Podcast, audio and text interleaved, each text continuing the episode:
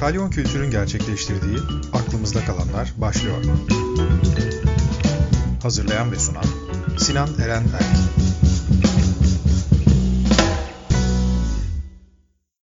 Herkese merhaba. Aklımızda kalanların yeni bölümüne hoş geldiniz. Bugün konuğumuz Nazlı Pektaş. Bir sanat yazarı ve aynı zamanda akademisyen, bir sanat eleştirmeni ve AYKA, Türkiye Sanat Eleştirmenleri Birliği'nde de bir üye aynı zamanda. Merhaba, nasılsınız? Merhaba Sinan, teşekkür ederim. Sen nasılsın?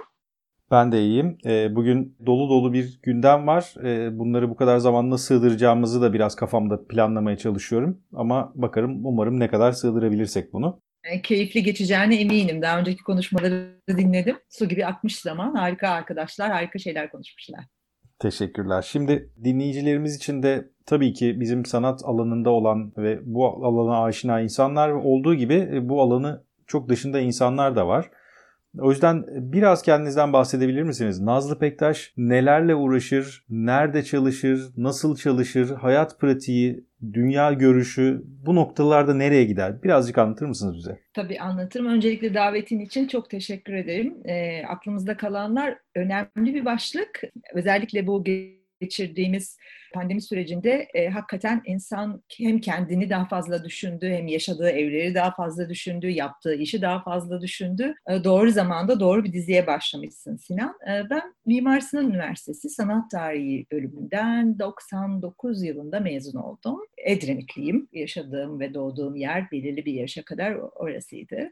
Mimar Sinan Üniversitesi Sanat Tarihini bitirdikten e, sonra uzunca bir süre ara verdim. E, hatta hiç başlamadım diyebilirim mesleğe. Sonrasında Marmara Üniversitesi Güzel Sanatlar Fakültesi'nde seramik bölümünde yüksek lisansımı ta- tamamladım. Önce misafir öğrenci olarak başlamıştım. Daha sonra yüksek lisans yaptım ve böyle neredeyse ikinci üniversiteyi bitiriyormuş gibi oldum. E, hemen arkasından açıkçası güzel sanatlar alanında yani pratik alanda olmak benim için e, hem kişisel gelişimim anlamında hem de e, sanatçının konumunu deneyimlemem anlamında çok keyifli ve verimliydi. Çok iyi hocalarda Marmara Üniversitesi Güzel Sanatlar Fakültesi'nde kuram anlamında öğrenciyi e, hem yetiştiriyorlar hem zenginleştiriyorlar. İşte Canan Beykal, Emre Zeytinoğlu, Ali Artun, e, Ahu Antmen, e, Esra Ali Çavuşoğlu vardı o dönemde. Onlardan da ders almıştım. Sonra bırakmak istemedim. Tekrar sanat tarihi alanında, sosyal bilimler alanında doktoraya hiç aklıma getirmedim ve sanatta yeterlilikle resim bölümüne devam etmek istedim. Açılan sınavda e,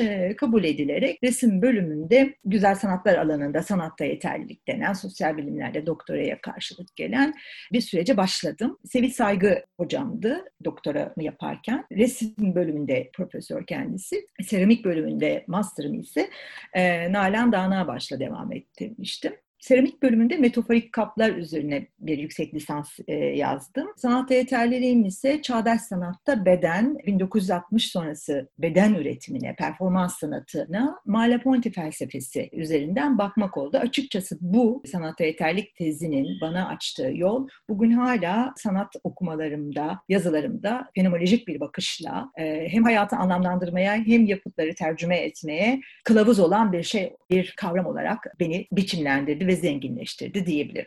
Ve bunun da şu anda resim bölümünde dersini veriyorum Marmara Üniversitesi Güzel Sanatlar'da, Çağdaş Sanat'ta beden e, lisans e, öğrencilerine. Akabinde resim bölümünde hemen master'ı bitir bitirmez davet edilmiştim. Pardon, seramik bölümünde çağdaş seramik sanatı ve seramik sanatı tarihi dersleri veriyorum ve temel eğitim bölümünde de sanat kuramları dersi veriyorum. E, yarı zamanlı Marmara Üniversitesi'nde öğretim görevlisiyim. Birkaç dönemde Yeditepe Üniversitesi'nde sanat yönetiminde ve plastik sanatlar bölümünde dersler verdim.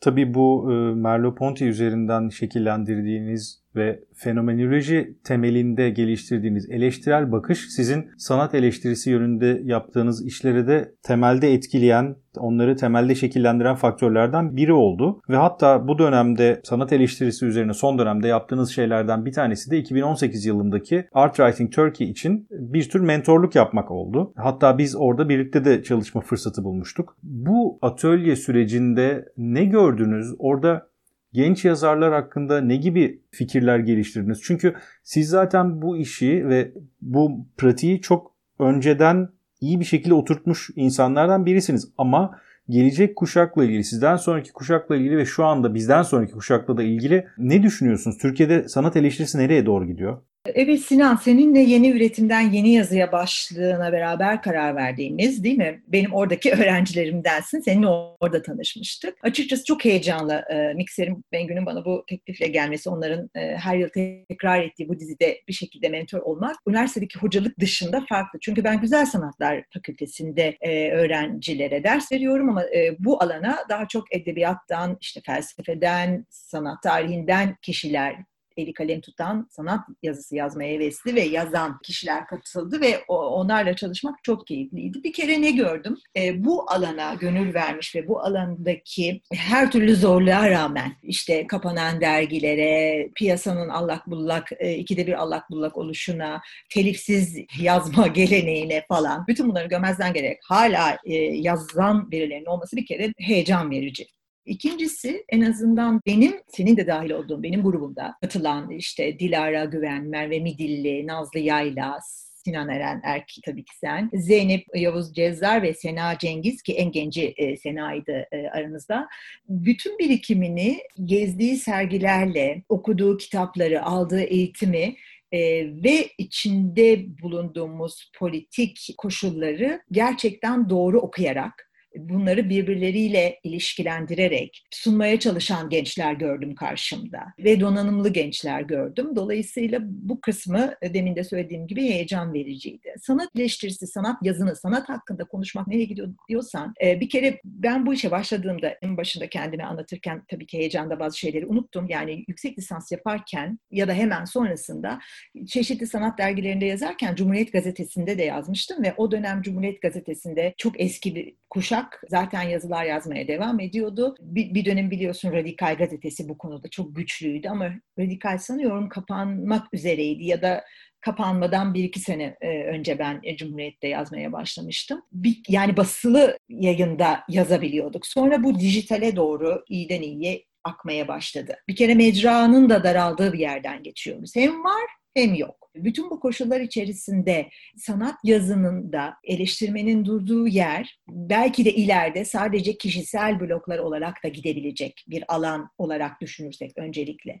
Burada durduğu yer kendi birikiminizle, bir yapıta bakarken, bir sergiye bakarken bir kere sanat tarihini A'dan Z'ye bilmekten öte aslında felsefeyi de, edebiyatı da, sosyolojiyi de bilmek ve bu konularda sonsuz okumalar yapmakla ilgili. Yapıta dair söyleyeceğiniz şey yapıtın ya da sanatçının önüne geçmemeli ama kendi dilinizde, kendi birikiminizle altyapınız sosyoloji olabilir, edebiyat olabilir, tarih olabilir çok kıymetli. Bütün bunların süzgecinden geçerek bir tercüme belki de sanatçının yapıtı hiç koymadığı bir yere yeni bir kaide ile yapıtı başka bir yere koymak. Bu da bir eleştiri. Türkiye'de çok yanlış anlaşılabiliyor eleştiri illaki yapıtın ya da serginin olumsuz bir yerinden tutmak ve onu kişisel hırslara kurban etmek gibi okunmamalı. E, bu geçmişte böyle örnekler olduğu için söylüyorum. Dolayısıyla yapıta dair okuma tanıtım metninden ve basın bülteninden kopararak söylüyorum bu cümleyi. Yapıta dair yazı en nihayetinde yazı yazarın kendi özgürlük alanında kendi birikimlerini bize göstererek bize yeni bir şey, sanatçıya da yeni bir şey söylemeli diye düşünüyorum. Burada çok iyi yazarlar, çok iyi genç yazarlar var. Eski kuşak zaten hala hazırda yazmaya devam ediyor. Ben çok karanlık görmüyorum.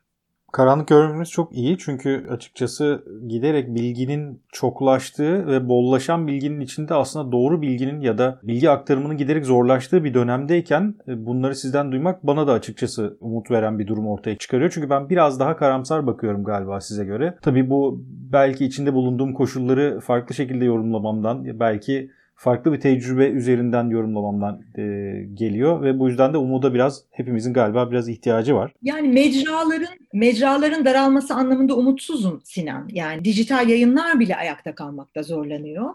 Ama e, bir taraftan e, basılı yayına devam edip öbür taraftan da bunu dijital ortamda paylaşmanın da çok kıymetli olduğunu düşünüyorum. Yani artık her şey dijitalde süreklilik kazanıyor ve bu şekilde ilerlemeli. Hem ucuz bir yöntem bu hem de onca ağaç, ağaca da yazık kağıtta kalırsa diye de düşünüyorum.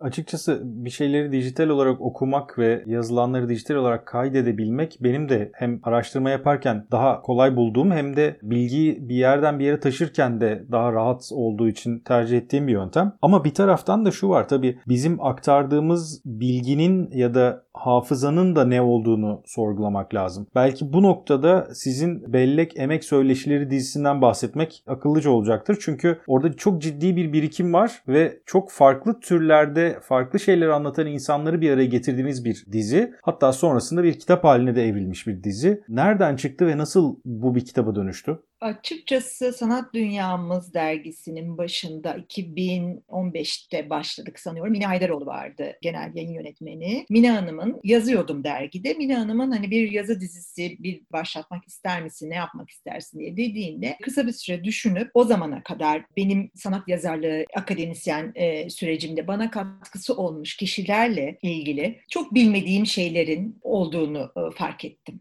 mimarlık tarihi, sanat tarihi e, vesaire e, kültür yönetimi alanında bu alana e, çok emek vermiş insanlar var. Bunların ilk gençlik yılları Cumhuriyet'in erken dönemlerine rastlıyor. Çok zorlu koşullarda okumuş ve adeta bir tuğla üzerine tuğla koyar gibi kendi yaşamlarını biçimlendirmiş ve o deneyimlerini, birikimlerini bize aktarmış insanlar var. Bunlarla bir söyleşi, bu kişilerle, bu değerli kişilerle bir söyleşi dizisi yapma teklifini götürdüm. Hemen Mine Hanım da kabul etti ve iki yıl aşkın bir süre Sanat Dünyamız dergisinde bu yazı dizisi yayımlandı. Hemen arkasından da o yayın evinden bana gelen teklifle bunun kitaplaştırmak istediklerini söylediler ve ben de kabul ettim. Kitap çıktı, yayımlandı. Hala hazırda şu anda online alışveriş daha kolay olduğu için pandemi sürecindeyiz bulabilirsiniz e, Yapı Kredi Yayınları'nın internet şubesinden Bellek Emeği. Devam etti ama kitap çıktıktan sonra yazı dizisi. Sonra Füsun Yalçınkaya editörlüğünde de iki konumla yaptığım Uşun Hoca ve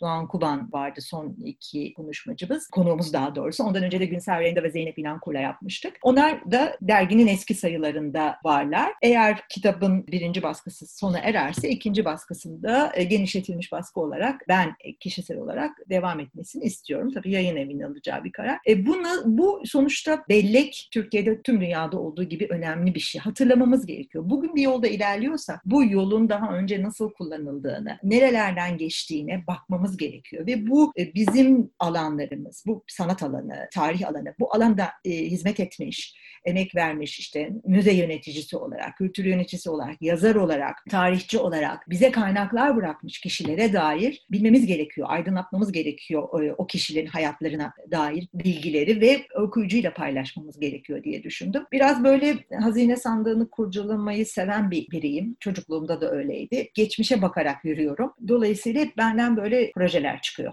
Peki Türkiye'ye baktığımız zaman bu belleğin ya da kültürün bu noktadaki korunumu tek tipleştirmeden ya da tekli bakış açısından nasıl kurtulabilir? Çünkü son dönemde özellikle bilginin çevrim içi platformlarda çok hızlı dağılmasıyla beraber aslında biraz önce söylediğim gibi çok fazla bilgi var fakat bu bilginin içinden ne gibi bir editoryal, ne gibi bir kritik mantıkla seçip okuyacağımızı bilemez hale geldik ve bu bilinmezlik de bizi aslında biraz tek tipleştirmeye başlıyormuş gibi düşünüyorum. Bu monotonluktan nasıl kurtulabiliriz?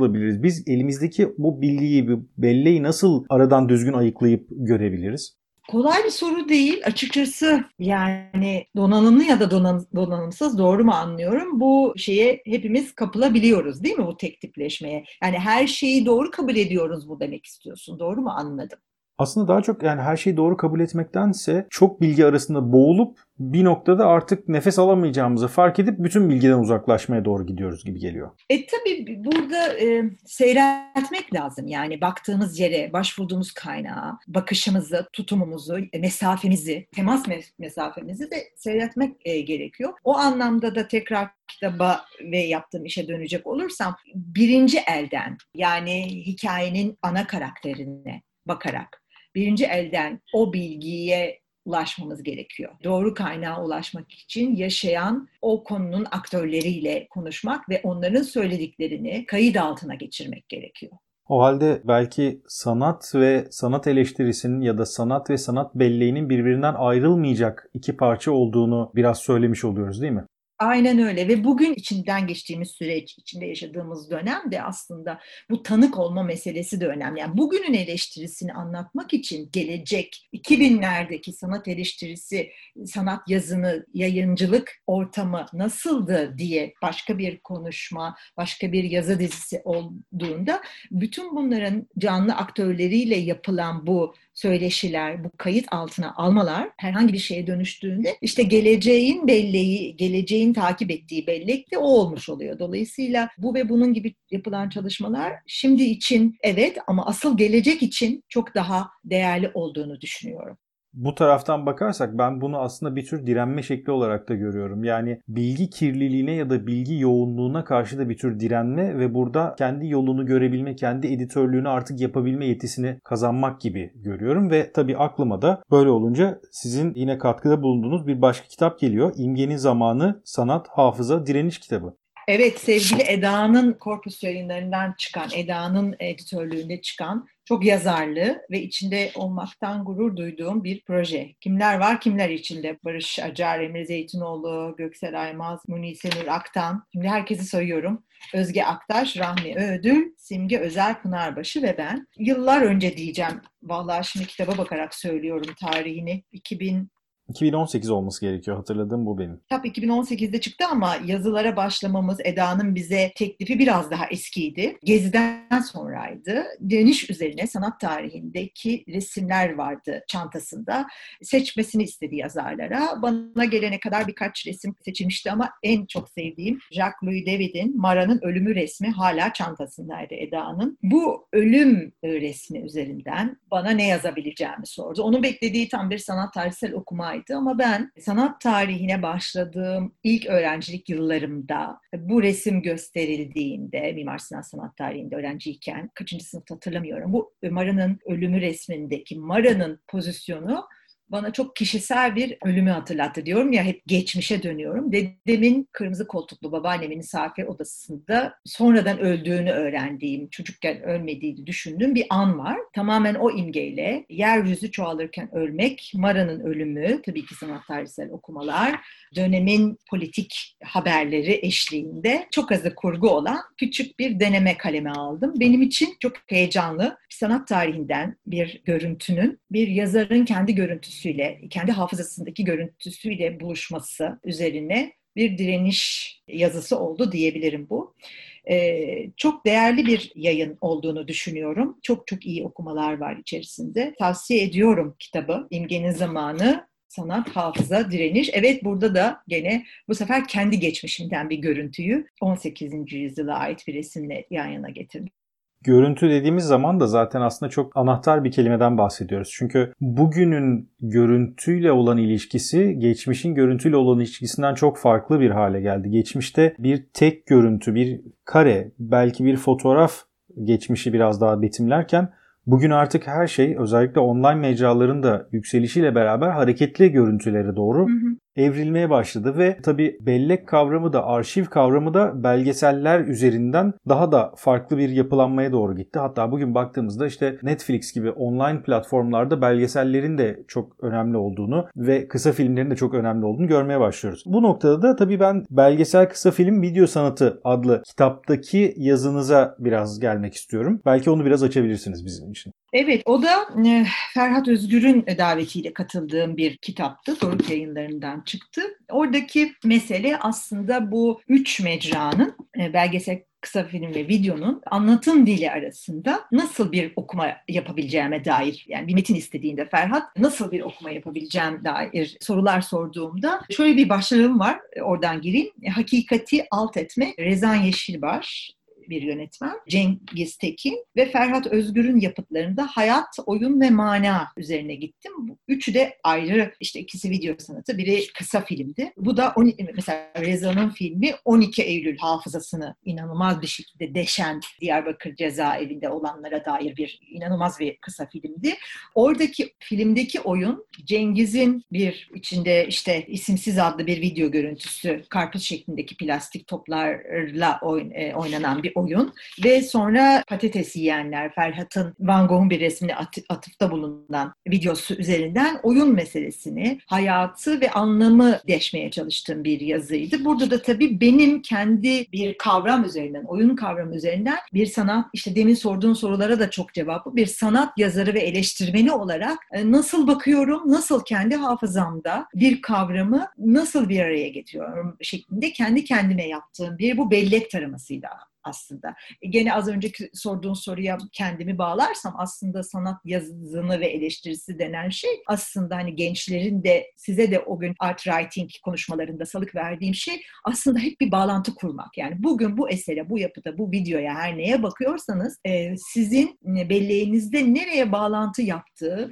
çok önemli. İşte ondan sonra o yazın ortaya çıkan şey sizin size özgü bir şey haline geliyor ve bence bu da bir yapıta dönüşüyor. Yapıtla yarışan değil ama yapıtla yan yana giden bir şeye dönüşüyor. Buradan böyle biraz dağınık oldu ama. Yok aslında dağınık olmadı. Tam da benim sormak istediğim bir yere doğru kendi kendine evrilmiş oldu konuşma. Çünkü evrilme süreci ya da nereden nereye çıkıyoruz, bunu nasıl yorumluyoruz, neyin geçmişte neyin gelecekte olduğunu, neyin bugün de olduğunu nasıl kavruyoruz süreci 2018'deki İntihal mi Hal mi sergisine götürdü beni. Çünkü zaten buraya doğru aslında konuyu da çekmek istiyordum. E, otomatik olarak bu tarafa doğru gelmeye başladı. O serginin kendi içindeki kurgusu çok alışık olduğumuz bir şey değildi ve sanatçıların da bu kurgunun içinde yer alarak o sergiyi oluşturma süreçleri de aslında bizim belki bir noktada sergi kurgusunun ya da küratöryel kurgunun nasıl yapılacağına dair önemli ipuçları bulabileceğimiz bir matematiğe sahipti. Sergiyi biraz anlatır mısınız bize? Yani nereden bu fikir çıktı ve içerideki tabii espri neydi? Ben şimdi bunu anlatmıyorum. Siz anlatabilirsiniz diye. Tamam. Bir kere sorduğun için teşekkür ederim. 2018'deydi bu sergi Haziran ayında o büyük seçimden hemen önce. Riskli bir zaman tabii Haziran'da İstanbul'da sergi açmak ama şansım Önce oradan başlayayım. Çok kalabalık bir açılıştı. E çünkü herkes seçim için İstanbul'daydı birincisi. Şimdi İntihal mi Hal mi adı üzerinde. Bir kere bu hani demin Rezan, Ferhat ve Cengiz'in eserlerini oturtmaya çalıştığım oyun meselesinden kendime kurduğum bir oyundu. Biliyorsun sanat tarihinde after before yani önce ve sonra meselesi çok güçlü bir üretim alanı sağlıyor sanatçılara, çağdaş sanata. Geçmişe bakmak ya sanatçı adını kullanarak ya konusunu kullanarak ya bizzat fotoğrafın kendisini çekip tekrar basarak vesaire çoğaltılabilecek çok örnek var. Derslerimizde biz de e, bunları hep anlatıyoruz. Fakat ben dedim ki bunları da tartışabilmemiz için Türkiye'de de sürekli kopya yaptı, çaldı, ondan öncesi sonrası e, böyle Facebook'ta falan kalabilecek bir düzeyde. Yani herkes bunu kapalı kapılar aldığında konuşuyor ama gerçekten bunu akademik olarak konuşabilir miyiz? Açıkçası hocalık yaparken derslerde çıkmış bir şey bu benim kafamda paylaştığım. Sonra sundum Yapı Kredi, Veysel ve Tülay Hanım'a, Veysel Uğurlu vardı o zaman e, sergilerin başında. E, Tülay Hanım hala biliyorsunuz genel e, müdürü Yapı Kredi'nin. Ve hakikaten büyük bir heyecanla onlar da kabul etti. Şöyle bir kurgu tabii bu. E, 6 sanatçı arkadaşım, aslında yedi kişiler de iki, bir sanatçı grubu, iki, iki kişi. Özlem Günyol, Mustafa Kun. Neyse yedi arkadaş, altı sanatçı diyelim. E, dedim ki bir araya gelelim ve sizler üç sanatçı, diğer üç sanatçının işine bakarak yeni işler üretin. Ama bu burada ben sadece bu oyunu adını koyuyorum. Ee, böyle bir oyun var ama bu oyunda kim kimin eserini seçecek, kim kimin eserinin kendisini birebir kopyalayacak, yani e, alıntılayacak, kimisi rengini mi alacak, kimisi konusunu mu? Bunlar tamamen e, sanatçının kendi seçimine bağlanmış. Yani herkes kendi kendinin küratörü oldu aslında. Ben sadece bir içerik üreticisiydim diyebilirim. Ve dolayısıyla Erin Seymen, Ferhat Özgür, Özlem Günyol Mustafa Kon, Çağrı Saray, Mehtap Baydu, Necla Rüzgar bir araya geldiler ve herkes birbirinin işine baktı. Ve sergide altı yeni, altı eski işi yan yana koyduk kim kimin işinden. Böyle iki tane yuvarlağımız oldu. Tesadüfi bir şekilde de bu iki yuvarlaktaki insanlar birbirlerinin işlerini seçmiş oldular. Eşleştirmeyi sadece konuyu belirledim ve eşleştirmeyi ben yaptım. Ve inanılmaz şeyler çıktı bu eşleştirmenin sonunda. Uzun soluklu bir e, çalışmaydı. İşte o zaman biz Zoom denen bir şeyi bilmiyoruz. Farklı farklı online ortamlarda e, görüntülü görüntüsüz bir araya geldik. E, katalog var. Kataloğu bir ilk yazısı bana ait. İkincisini hmm, Profesör Esra Ali Çavuşoğlu e, yazdı. E, ve kitabın tasarımını da burada atlamak istemiyorum. Kendisi de aynı zamanda bir sanatçı olan Şener Yılmaz Aslan yaptı yaptı. E, kataloğumuzun da editörü Ahsen Erdoğan'dı. Bu bu kitap sanıyorum yani bu katalog tükendi. Bilmiyorum tekrar basılmaz bu bir sergi kataloğu ama ben derslerimde açıkçası sergiyi bir konu olarak anlatıyorum ve metinleri de öğrencilerimle paylaşıyorum. Çünkü çok iyi bir metin kalemi aldı Esra. Bu sanat tarihinin içerisindeki bu before after meselesini güçlü örneklerle sanatçının biricikliği ve sanat eserinin biricikliğine dair meselenin ne, nereye evrildiğine dair güçlü bir metindi. Ee, ben de sergiyi anlattım ve nasıl başladığımıza dair işte kopyalanan ya da gerçek yerine türlü yollarla ikame edilen imgenin serüveni diye başlayan bir yazı sanat tarihi içerisinde çok yol kat etti. Hala da devam ediyor kat etmeye. Bence böyle bir tartışma yapabiliriz bu konuyla ilgili. Sergi bitti ama bunun üzerine intihal mi hal mi? Yani bunu sanatçılar gerçekten kendine mi mal ediyorlar sanat tarihi içerisinde yoksa bir, bir oluş mu? Kendiliğinden bir zaruret mi? Bunu tartıştık. Sanatta yeterlilik tezimin Merleau-Ponty üzerine e, yazdığımı söylemiştim. E, insan hayatında yaptığı bu doktora sanatta yeterlilik e, tezleri uzunca bir süre onu meşgul ediyor.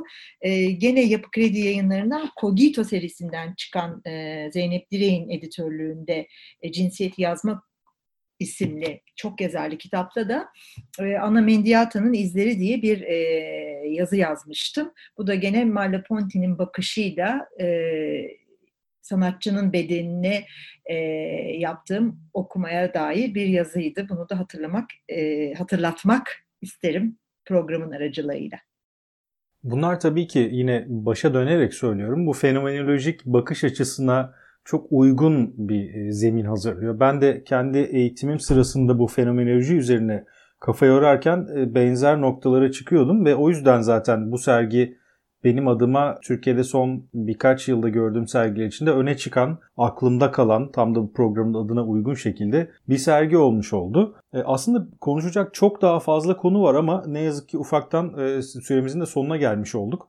Ben çok teşekkür ediyorum katıldığınız için, bu daveti kabul ettiğiniz için. Bu kadar süreye bu kadar şeyi sığdırabilmek de kolay değil ve bunların hepsi de biliyorum derinleşmesi, açılması gereken konular. Umarım bunu zamanla farklı konuşmalarda yine yapma şansımız olur.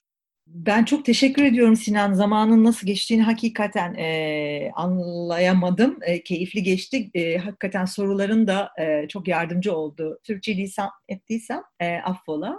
Herkese teşekkürler. Bu sergiyi son anda konuştuğumuz için e, tabii ki Yapı Kredi'ye de teşekkür ederiz bu imkanı verdiği için, bu akılda kalan sergi için. Teşekkürler. Çalışmaların daim olsun. Teşekkürler. Böylece aklımızda kalanların bir bölümünün daha sonuna gelmiş olduk. Gelecek hafta yeni bir konu ve yeni bir konukla buluşmak üzere. Herkese hoşçakalın.